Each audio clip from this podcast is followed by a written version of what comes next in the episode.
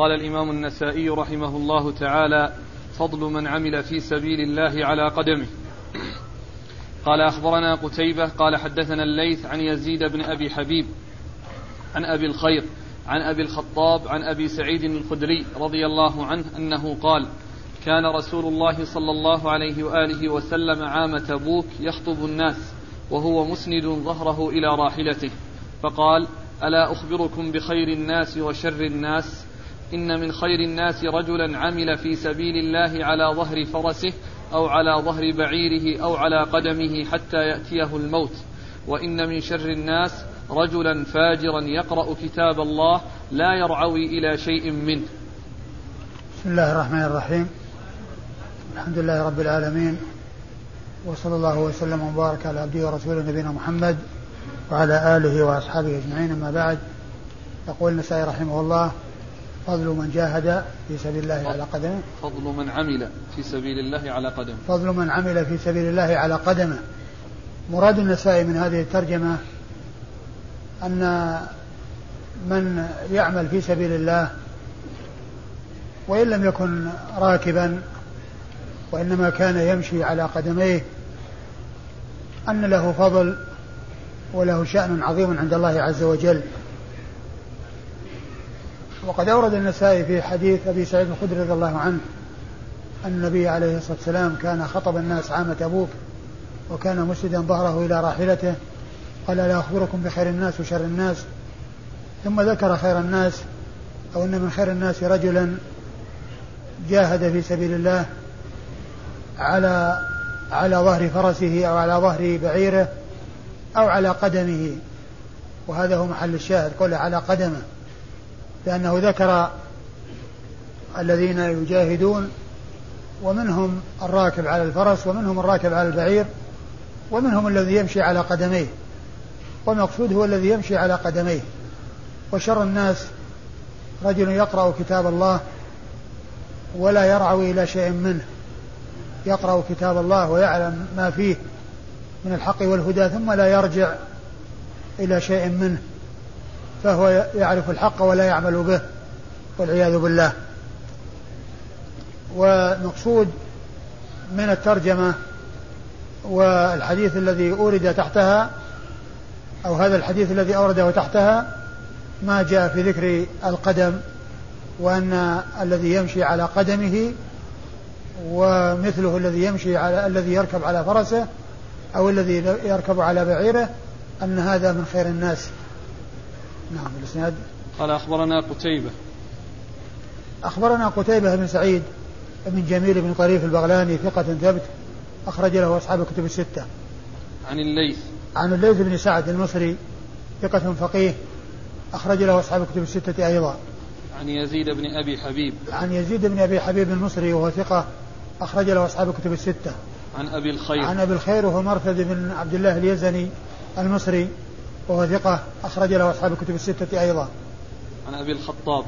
عن أبي الخطاب المصري وهو مجهول أخرج حديثه النسائي وحده. عن أبي سعيد الخدري. عن أبي سعيد الخدري سعد بن مالك بن سنان الخدري رضي الله تعالى عنه وهو صحابي جليل أحد السبعة المعروفين بكثرة الحديث عن النبي صلى الله عليه وسلم. والحديث في سنده أبو الخطاب المصري وهو مجهول فالإسناد ضعيف. قال أخبرنا أحمد بن سليمان قال حدثنا جعفر بن عون قال حدثنا مسعر عن محمد بن عبد الرحمن عن عيسى بن طلحة عن أبي هريرة رضي الله عنه أنه قال لا يبكي أحد من خشية الله فتطعمه النار حتى يرد اللبن في الضرع ولا يجتمع غبار في سبيل الله ودخان جهنم في منخري مسلم أبدا. ثم ورد النسائي حديث أبي هريرة رضي الله عنه لا يبكي أحد من خشية الله فتمسه النار فتطعم فتطعمه النار. نعم فتطعمه. فتطعمه النار حتى يرد اللبن في الضرع ولا يجتمع آه غبار في سبيل الله. أيوه. ودخان جهنم. ولا ولا يجتمع غبار في سبيل الله. ودخان جهنم في في منخري مسلم أبدا. في منخري مسلم أبدا. المقصود من الترجمة هو ما جاء في الحديث الثاني. من جهة أنه لا يجتمع الغبار ودخان جهنم في منخر مسلم أبدا أي أنه لا يدخل النار من يعني حصل له هذا الغبار في سبيل الله. والنسائي أورد الحديث تحت العمل على القدمين وهو لا يختص بالعمل على القدمين لأنه يمكن أن يحصل الغبار لمن يمشي على قدميه ولمن يركب على فرس أو على بعير لأنه يحصل الاغبرار لا سيما عندما يحصل النقع والعدو من الخيل والإبل ويثور الغبار فإنه يصل إلى المناخر ولا يختص ذلك بالمشي. لا يختص ذلك بالماشي فهو أعم وأوسع من الترجمة ولكنه لا شك ينطبق على الترجمة من جهة أنه بعض ما يدخل تحتها أي الذي يمشي على قدميه. فالحديث يشمل آه، الماشي على قدميه والراكب. كما أن الحديث الذي قبله يعني فيه ذكر الراكب على الفرس والراكب على البعير والذي يمشي على قدميه. ويشمل هؤلاء جميعا وكذلك هذا الحديث ليس فيه تفصيل للذين يجاهدون في سبيل الله من حيث أنهم راكبون أو ماشون. ولكن ولكنه يدل يعني على أن هؤلاء كلهم يحصل لهم هذا الغبار الذي يدخل في مناخرهم وذلك في سبيل الله عز وجل. والحديث وأول الحديث يقول عليه الصلاة والسلام آه، لا تبكي لا, لا يبكي أحد من خشية الله فتطعمه نار النار حتى يرد اللبن في الضرع. لا يبكي أحد من خشية الله فتطعمه النار أي فتأكله النار حتى يرد اللبن في الضرع. يعني أن هذا من المحال لأن اللبن إذا خرج من الضرع يعني لا يمكن إدخاله فيه وإعادته إلى مخرجه من مخرجه لأنه يحلب فيخرج ولكنه لا يمكن رده لا يمكن رده مع مخرجه. لا يمكن رده مع مخرجه. وإن كان يمكن في الوقت الحاضر بعدما وجدت وجد الطب وجد يمكن عن طريق الإبر وعن طريق يرجع. لكن المقصود هو المكان الذي خرج منه لا يرجع معه. وهذا من جنس قوله حتى يلج الجمل في سم الخياط. والجمل لا يلج في سم الخياط الذي هو ثقب الإبرة. لأن الجمل يعني كبير والثقب الإبرة صغير فلا يمكن أن يكون ومعنى هذا أنه لا يحصل.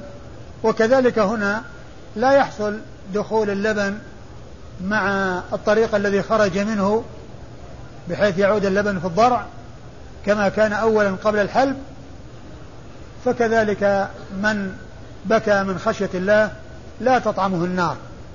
لا تطعمه النار أي لا تأكله النار. وهذا يدل على فضل البكاء من خشية الله وأن ذلك فيه هذا الأجر العظيم والثواب الجزيل. وقد ورد في الحديث أن الذي يبكي من خشية الله أحد السبعة الذين يظلهم الله في ظله يوم لا ظل إلا ظله وهم إمام عادل وشاب نشأ في طاعة الله عز وجل ورجل قلبه معلق في المساجد ورجلان تحبا في الله اجتمع على ذلك وتفرق عليه ورجل دعته امرأة ذات منصب وجمال فقال إني أخاف الله. ورجل تصدق بصدقة فأخفاها حتى لا تعلم شماله ما تنفق يمينه. ورجل ذكر الله خاليا ففاضت عيناه. ورجل ذكر الله خاليا ففاضت عيناه. يعني بكى من خشية الله. بكى من خشية الله. والحديث الذي معنا يدل على فضل البكاء من خشية الله وأن من حصل منه ذلك فإنه لا يدخل النار إلا إذا كان اللبن يعود في الضرع كما خرج وهذا لا يكون فإذا لا تمسه النار ولا تطعمه النار بل يكون من أهل الجنة. ثم قال ولا يجتمع غبار غبار غبار في سبيل الله ودخان جهنم في منخري مسلم أبدا. يعني أن من جاهد في سبيل الله وحصل له ما حصل في سبيل الله من الأذى والتعب وحصل له حصل ذلك الغبار الذي يطير ويدخل في أنفه فإنه لا يجتمع ذلك الغبار ودخان نار جهنم بمعنى أنه لا يدخل النار. لأن من حصل له ذلك أي الجهاد في سبيل الله ودخل الغبار في منخره فإنه يكون من أهل الجنة ولا يكون من أهل النار. فلا يجتمع في هذا المنخر ذلك الغبار ودخان نار جهنم. لا يدخل أو لا يدخل دخان جهنم في ذلك المنخر الذي دخل فيه الغبار في في سبيل الله عز وجل. الذي دخل فيه الغبار في سبيل الله عز وجل ومعنى ذلك أنه لا يدخل النار لأن هذا هو المقصود من من, من الحديث. لأن الغبار حصل في الدنيا ودخان نار جهنم يكون في الآخرة. فمنخر آه، دخله الغبار في سبيل الله لا يدخله دخله الغبار في سبيل الله في الدنيا لا يدخله دخان جهنم في الآخرة. نعم. قال أخبرنا أحمد بن سليمان. أخبرنا أحمد بن سليمان الرهاوي وهو ثقة أخرج حديثه النسائي وحده. عن جعفر بن عون. عن جعفر بن عون وهو صدوق صدوق نعم أخرج حديثه أصحاب الكتب الستة عن مسعر عن مسعر بن كدام وهو ثقة أخرج له أصحاب الكتب الستة عن محمد بن عبد الرحمن عن محمد بن عبد الرحمن مولى آل طلحة وهو ثقة أخرج حديثه البخاري في الأدب المفرد ومسلم وأصحاب السنة الأربعة. عن عيسى بن طلحة. عن عيسى بن طلحة بن عبيد الله التيمي وهو ثقة أخرج حديثه أصحاب الكتب. وهو ثقة أخرج حديثه أصحاب الكتب الستة. عن أبي هريرة. عن أبي هريرة عبد الرحمن بن صخر الدوسي رضي الله عنه صاحب رسول الله صلى الله عليه وسلم وأكثر أصحابه حديثا على الإطلاق رضي الله تعالى عنه وأرضاه. قال أخبرنا هناد بن السري عن ابن المبارك عن المسعودي عن محمد بن عبد الرحمن عن عيسى بن طلحة عن أبي هريرة رضي الله عنه عن, عن النبي صلى الله عليه وآله وسلم أنه قال لا يلج النار رجل بكى من خشية الله تعالى حتى يعود اللبن في الضرع ولا يجتمع غبار في سبيل الله ودخان نار جهنم. ثم ورد النسائي حديث أبي هريرة من طريق أخرى وهو مثل ما تقدم. وأما الإسناد؟ أخبرنا هناد بن السري. أخبرنا هناد بن السري أبو السري الكوفي ثقة أخرج حديثه البخاري في خلق أفعال العباد ومسلم وأصحاب السنن الأربعة. عن ابن المبارك. عن ابن المبارك وعبد الله بن المبارك المروزي ثقة أخرج له أصحاب الكتب الستة. عن المسعودي. المسعودي هو عبد الرحمن بن عبد الله بن عتبة بن مسعود المسعودي وهو صدوق اختلط وحديثه أخرجه البخاري تعليقا وأصحاب السنن. وحديثه أخرجه البخاري تعليقا وأصحاب السنن الأربعة. عن محمد بن عبد الرحمن عن عيسى بن طلحة عن أبي هريرة. عن محمد بن عبد الرحمن عن عيسى بن طلحة عن أبي هريرة وقد مر ذكرهم. والحديث وإن كان فيه المسعودي وقد اختلط إلا أن له شواهد ومنه الشاهد الأول الذي قبله أو له متابعات ويعني الحديث الذي قبله أو الطريقة التي قبله وهي صحيحة آه، هي في معناه. قال أخبرنا عيسى بن حماد قال حدثنا الليث عن ابن عجلان عن سهيل بن أبي صالح عن أبيه عن أبي هريرة رضي الله عنه أن رسول الله صلى الله عليه وآله وسلم قال لا يجتمعان في النار مسلم قتل كافرا ثم سدد وقارب. ولا يجتمعان في جوف مؤمن غبار في سبيل الله وفيح جهنم ولا يجتمعان في قلب عبد الإيمان والحسد. ثم أورد النسائي حديث أبي هريرة رضي الله عنه آه وهو مثل الذي قبله فيما يتعلق بذكر آه آه اجتماع الغبار وفيح جهنم. هناك قال دخان جهنم وهنا فيحها وحرارتها. حرارة جهنم لا تجتمع في إنسان آه جاهد في سبيل الله عز وجل فلا يجتمع غبار في سبيل الله وفيح جهنم. بل من حصل له ذلك العمل العظيم النبيل فإنه يكون في الجنة ولا يكون في النار فلا يمسه لهبها وفيحها ودخانها. شو الحديث؟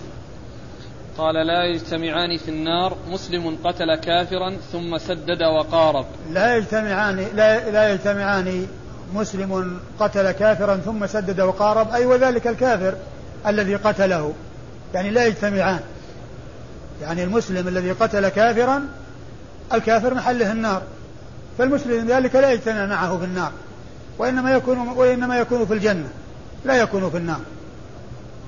ولكن هذا الذي قتل ذلك المسلم وصف بأنه بعد ذلك سدد وقارب يعني أنه أنه استقام وأنه آه، التزم ولم ينحرف وكان بعد قتله على سلامة وعلى استقامة بعد أن قتل ذلك الكافر. بعد أن قتل ذلك الكافر والكافر يكون في النار فهو لا يجتمع مع ذلك الكافر لكن إذا كان بعد قتله إياه سدد وقارب بمعنى أنه استقام والتزم ولم ينحرف فإن هذا مقيد بهذا القيد الذي هو التسديد والمقاربة. ولم يذكر يعني ال ال ال الذي اجتمع معه لأنه الذي هو الكافر لأن المقصود أن هذا الكافر المقتول لا يجتمع قاتله القاتل والمقتول في النار. المقتول اللي هو الكافر والقاتل الذي هو المسلم. لا يجتمع الكافر ومن قتل الكافر. إذا كان هذا الذي قتل الكافر سدد وقارب. أيوة. ولا يجتمعان في جوف مؤمن غبار في سبيل الله وفيح جهنم. ولا يجتمعان في جوف مسلم غبار في سبيل الله وفيح جهنم. لأن الجوف يعني الغبار الذي الذي دخل مع حلقه من منخره أو من فمه وذهب إلى جوفه من حلقه لا يجتمع يعني آه، هذا وهذا في نار جهنم بل أنه لا يدخل جهنم فلا يناله فيحها ولا يمسه فيحها ولا يمسه عذابها لأنه دخل الجنة ولم يدخل النار. و ولا يجتمعان في قلب عبد الإيمان والحسد. ولا يجتمعان في قلب عبد الإيمان والحسد. الإيمان والحسد الحسد الذي هو تمني زوال النعمة عن الغير. تمني زوال النعمة عن الغير سواء جاءت إليه أو لم تأتي إليه. يعني معناها الحقد والحسد والخبث في النفس. يتمنى أن يحرم الناس الخير وأن يزول ما في أيديهم من الخير. وأن يزول ما في أيديهم من الخير. سواء يعني زال وجاء إليه أو أنه زال ولم يأتي إليه. هذا هو الحسد المذموم الذي يأكل الحسنات كما تأكل النار الحطب. والإنسان لا يحسد الناس على ما آتاهم الله من فضله بل يسأل الله من فضله وفضل الله واسع. فالله تعالى يعطي من يشاء ما يشاء وهذا الذي أعطاه الله أعطاه الله الناس من فضله ولا والإنسان يسأل الله من فضله. والله سبحانه وتعالى على كل شيء قدير. تفضل على من شاء ويتفضل على هذا الذي يسأل والذي يطلب من الله آه، العطاء والرزق. لكن لا يكون عنده الخبث الذي هو تمني زوال النعمة عن الناس. بل يسأل الله عز وجل من فضله. ولهذا جاء في القرآن ولا تتمنوا ما فضل الله بعضكم على بعض. ثم قال بعد ذلك واسأل الله من فضله. واسأل الله من فضله يعني سد الباب وفتح باب. سد باب التمني أن يعني يعني يحصل ما حصل ذلك ولكنه أرشد إلى سؤال الله من فضله. أرشد إلى أن يسأل الله عز وجل من فضله وفضل الله واسع. وفضل الله واسع فلا يجتمع الإيمان والحسد في قلب مسلم. وقيل في معناه لا يجتمع الإيمان الكامل والحسد. يعني كمال الإيمان والحسد لأن من وجد عنده الحسد فعنده نقص في الإيمان وليس عنده كمال في الإيمان. فكمال الإيمان أو الإيمان الكامل لا يجتمع مع الحسد. وإن كان قد يوجد الإيمان أصله مع وجود الحسد يجتمع الإيمان مع وجود الحسد يوجد الإيمان يوجد أصل الإيمان مع وجود الحسد لكن الذي نفي هو الكمال. فهو لا يجتمع كمال الإيمان مع وجود الحسد بل إن من وجد منه الحسد فعنده النقص في الإيمان وليس عنده الكمال في الإيمان. والكمال انتفى عنه. أو أنه لا ينبغي للإنسان أن يكون كذلك أن يكون في قلبه آه هذا مع هذا. بل يكون في قلبه الإيمان دون الحسد. يكون في قلبه الإيمان دون الحسد. وهو يدل على خطورة الحسد. وقد جاء في الحديث أنه يأكل الحسنات كما تأكل النار يأكل تأكل النار الحطب. نعم. قال أخبرنا عيسى بن حماد. أخبرنا عيسى بن حماد المصري الملقب زغبة وهو ثقة أخرج حديث مسلم وأبو داود والنسائي وابن ماجه. عن الليث عن ابن عجلان. عن الليث وهو بن سعد وقد مر ذكره. عن ابن عجلان وهو محمد بن عجلان المدني وهو صدوق أخرج حديثه البخاري تعليقا ومسلم وأصحاب السنن الأربعة. عن سهيل بن أبي صالح. عن سهيل بن أبي صالح وأبو صالح ذكوان السمان وهو ثقة ولا صدوق؟ صدوق. وهو صدوق وهو صدوق آه، أخرج حديثه أصحاب الكتب الستة والبخاري أخرج له تعليقا ومقرونا لكن على اصطلاح آه، المزي وغيره أن من أخرج له وهو مقرون فإنه يرمز له برمز الأصل. وإنما الذي يميز هو التعليق. الذي يميز هو التعليق. وأما من وأما من روي له ولو كان مقرونا فإنه آه، يرمز له برمز الأصل الذي هو البخاري إذا كان منفردا وإذا كان روى له أصحاب الكتب الستة والبخاري روى له مقرونا فإنه يرمز له برمز الأصل ولهذا فهو صدوق خرج له أصحاب الكتب الستة. عن أبيه. عن أبيه ذكوان السمان ويقال الزيات اسمه ذكوان ولقبه السمان والزيات. وكان يجلب الزيت والسمن فكان يقال له الزيات ويقال له السمان. وهو ثقة أخرج حديثه أصحاب الكتب الستة. عن أبي عن أبي هريرة وقد مر ذكره.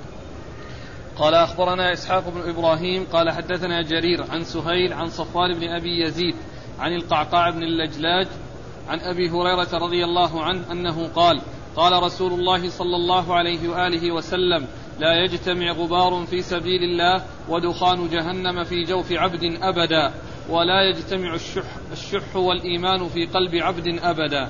ثم ورد النسائي حديث أبي هريرة رضي الله عنه من طريق أخرى وفيه مثل ما تقدم فيما يتعلق باجتماع الغبار ودخان جهنم وكذلك هنا ذكر الإيمان والشح. والحديث الذي قبله هو الحسد. والحسد هو نتيجة الشح لأن الشح الذي هو شدة البخل لأن الشح هو أشد البخل.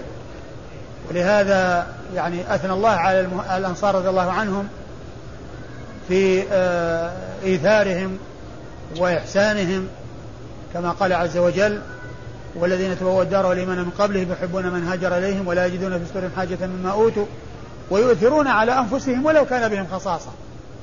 ويؤثرون على أنفسهم ولو كان بهم خصاصة ثم قال ومن يوق شح نفسه فأولئك هم المفلحون.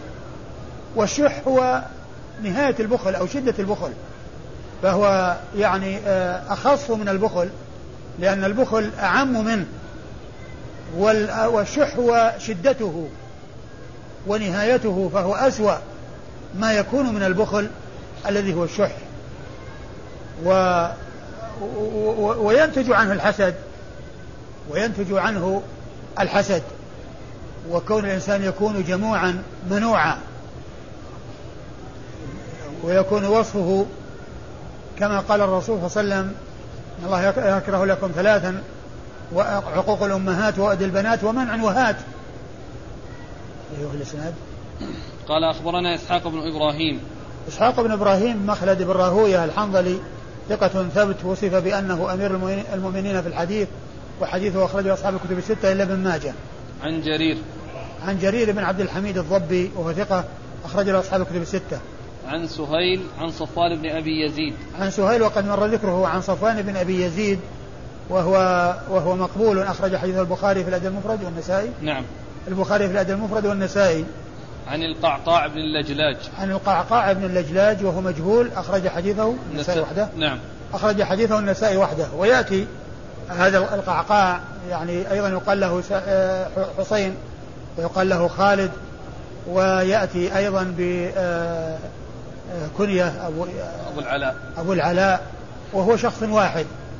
يعني يأتي أحيانا حسين وأحيانا القعقاع وأحيانا خالد وأحيانا أبو العلاء وكلها ابن اللجلاج. نعم. عن أبي هريرة. عن أبي هريرة وقد مر ذكره. والقعقاع بن اللجلاج هذا مجهول لكن الحديث يعني له شواهد. يعني عن أبي هريرة فالطرق المتقدمة كلها تدل عليه وتدل على ما فيه.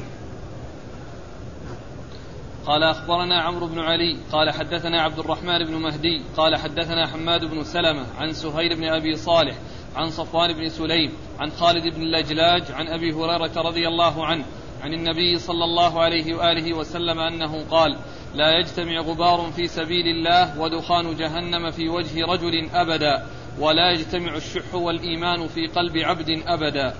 ثم ورد ثم أورد النسائي حديث أبي هريرة من طريق أخرى وهو مثل الطريقة التي قبله.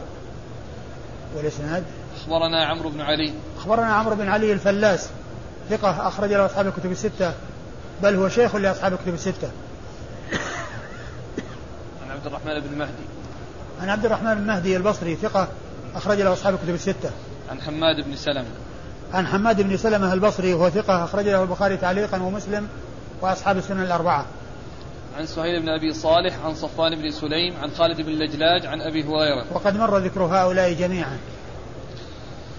قال أخبرنا محمد بن عامر قال حدثنا منصور بن سلمة قال أخبرنا الليث بن سعد عن ابن الهاد عن سهيل بن أبي صالح عن صفوان بن أبي يزيد عن القعقاع بن اللجلاج عن أبي عن أبي هريرة رضي الله عنه أنه قال قال رسول الله صلى الله عليه وآله وسلم لا يجتمع غبار في سبيل الله ودخان جهنم في جوف عبد.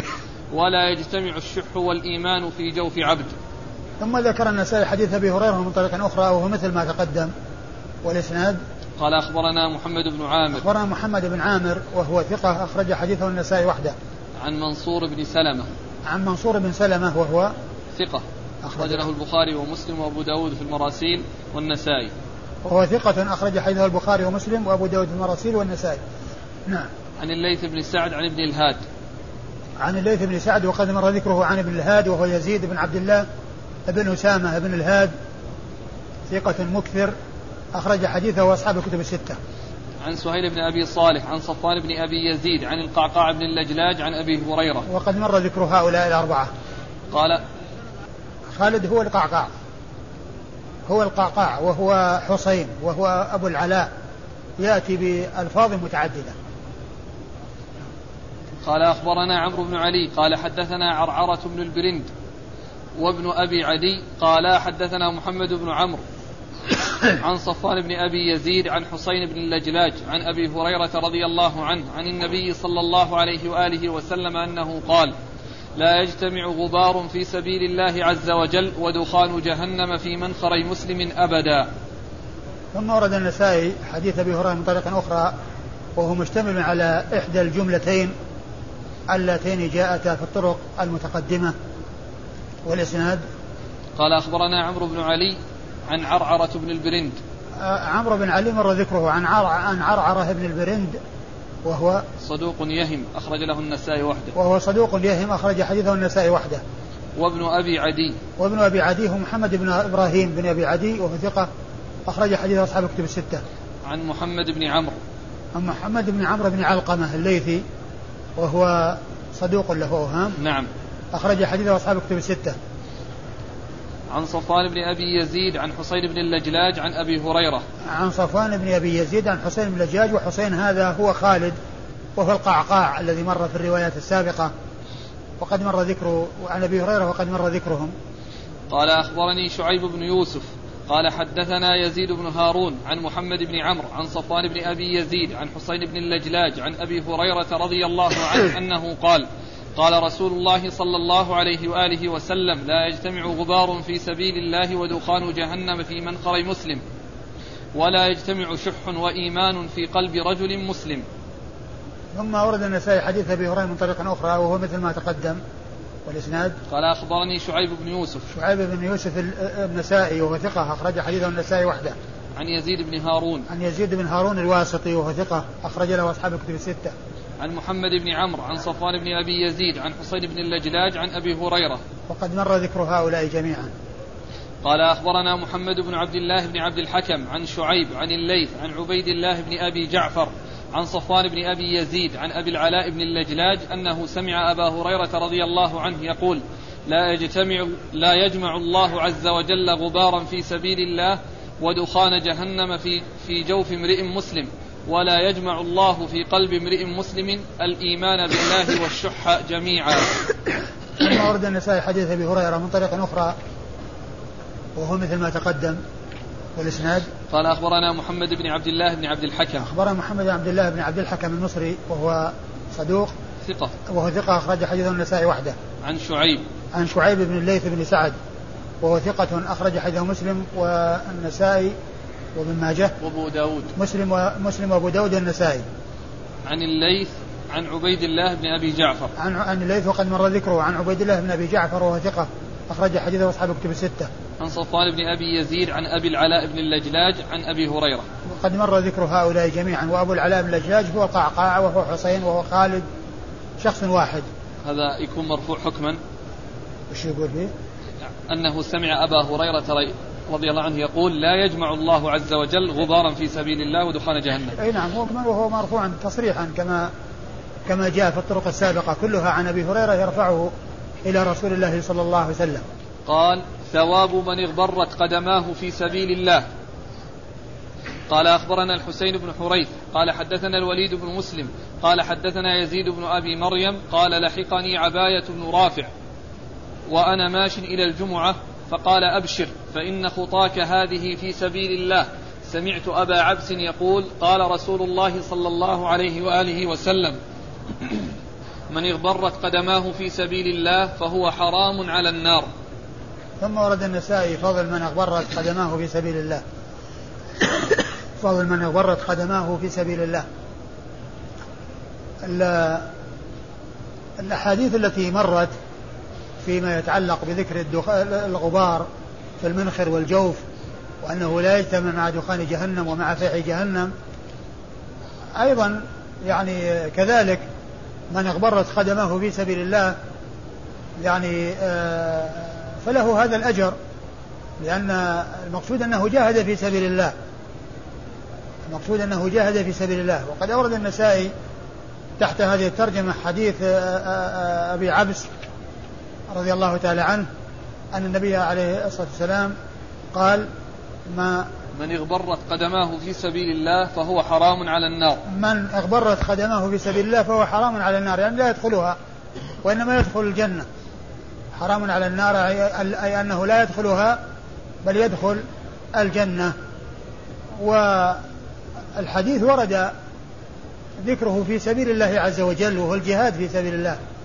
ولكن عباية بن رافع يعني آه، جعله على ما هو أوسع.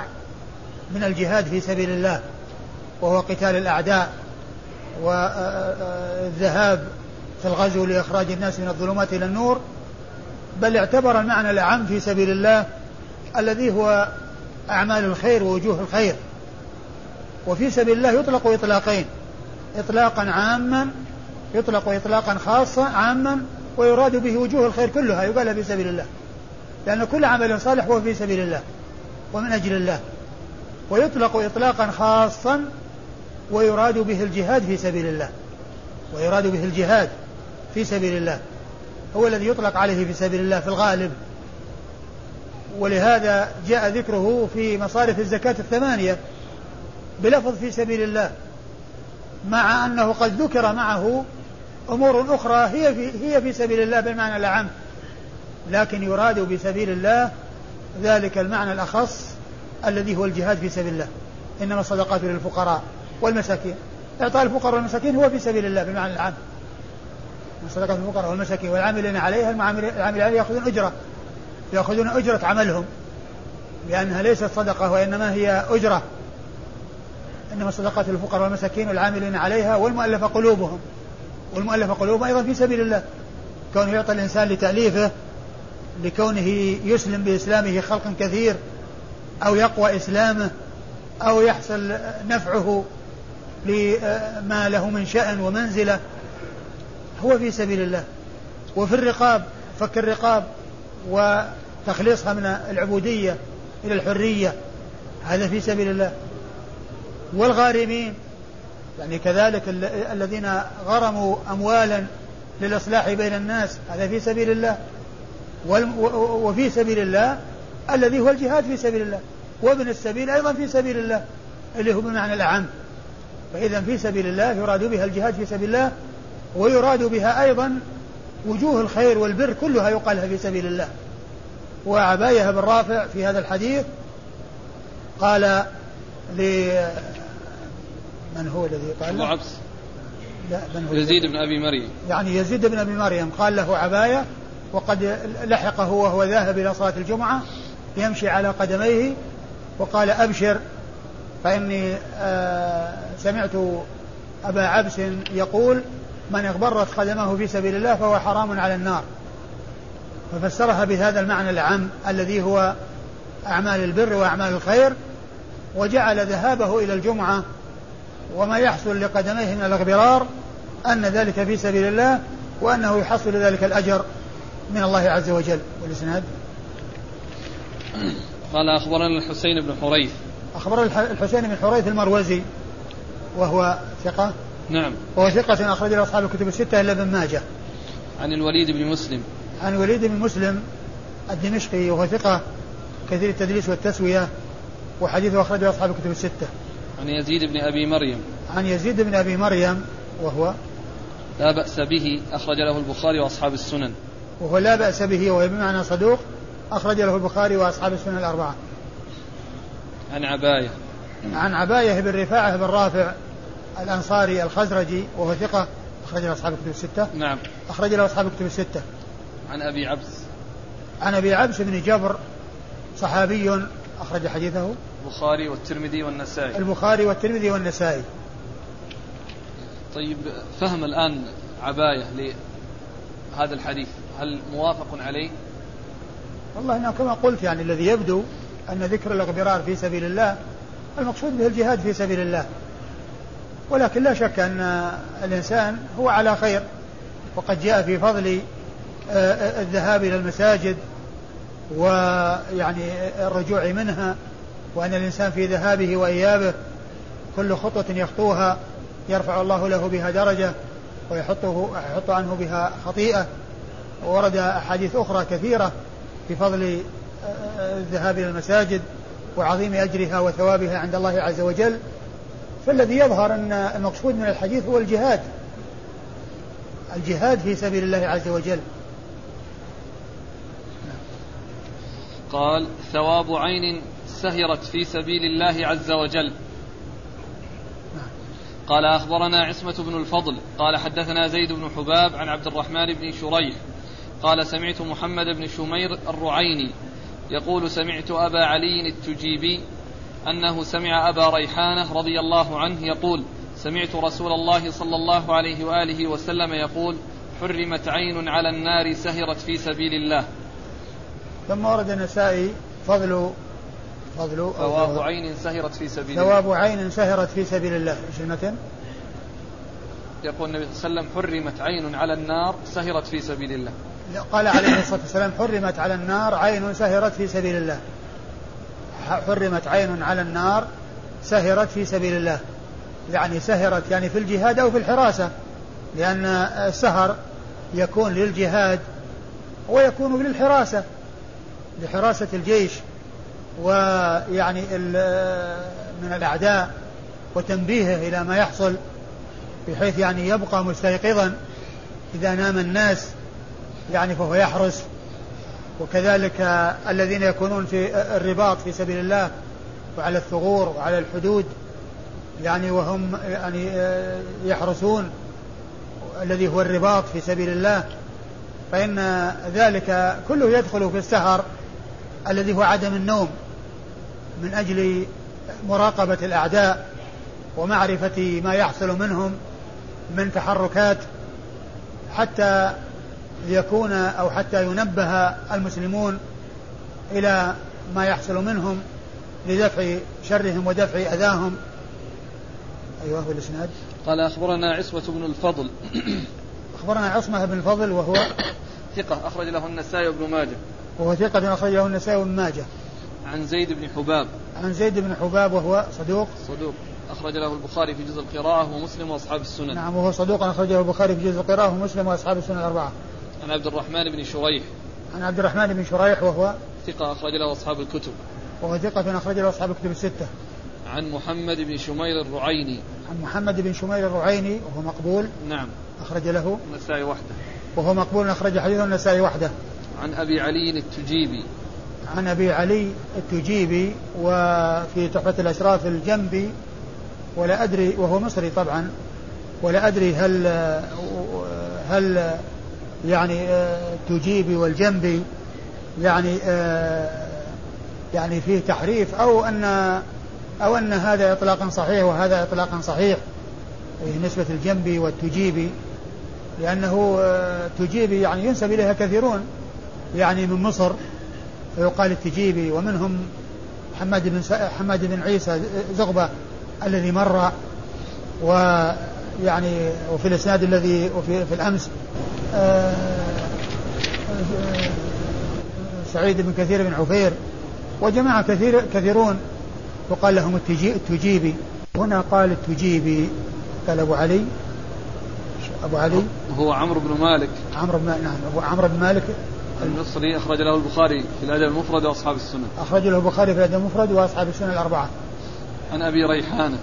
عن أبي ريحانة هو شمعون. شمعون بن زيد. نعم. وهو شمعون بن زيد وهو صحابي أخرج حديثه. أبو داود والنسائي وابن ماجه. أخرج حديثه أبو داود والنسائي وابن ماجه. والله تعالى أعلم وصلى الله وسلم وبارك على عبده ورسوله نبينا محمد وعلى آله وأصحابه أجمعين.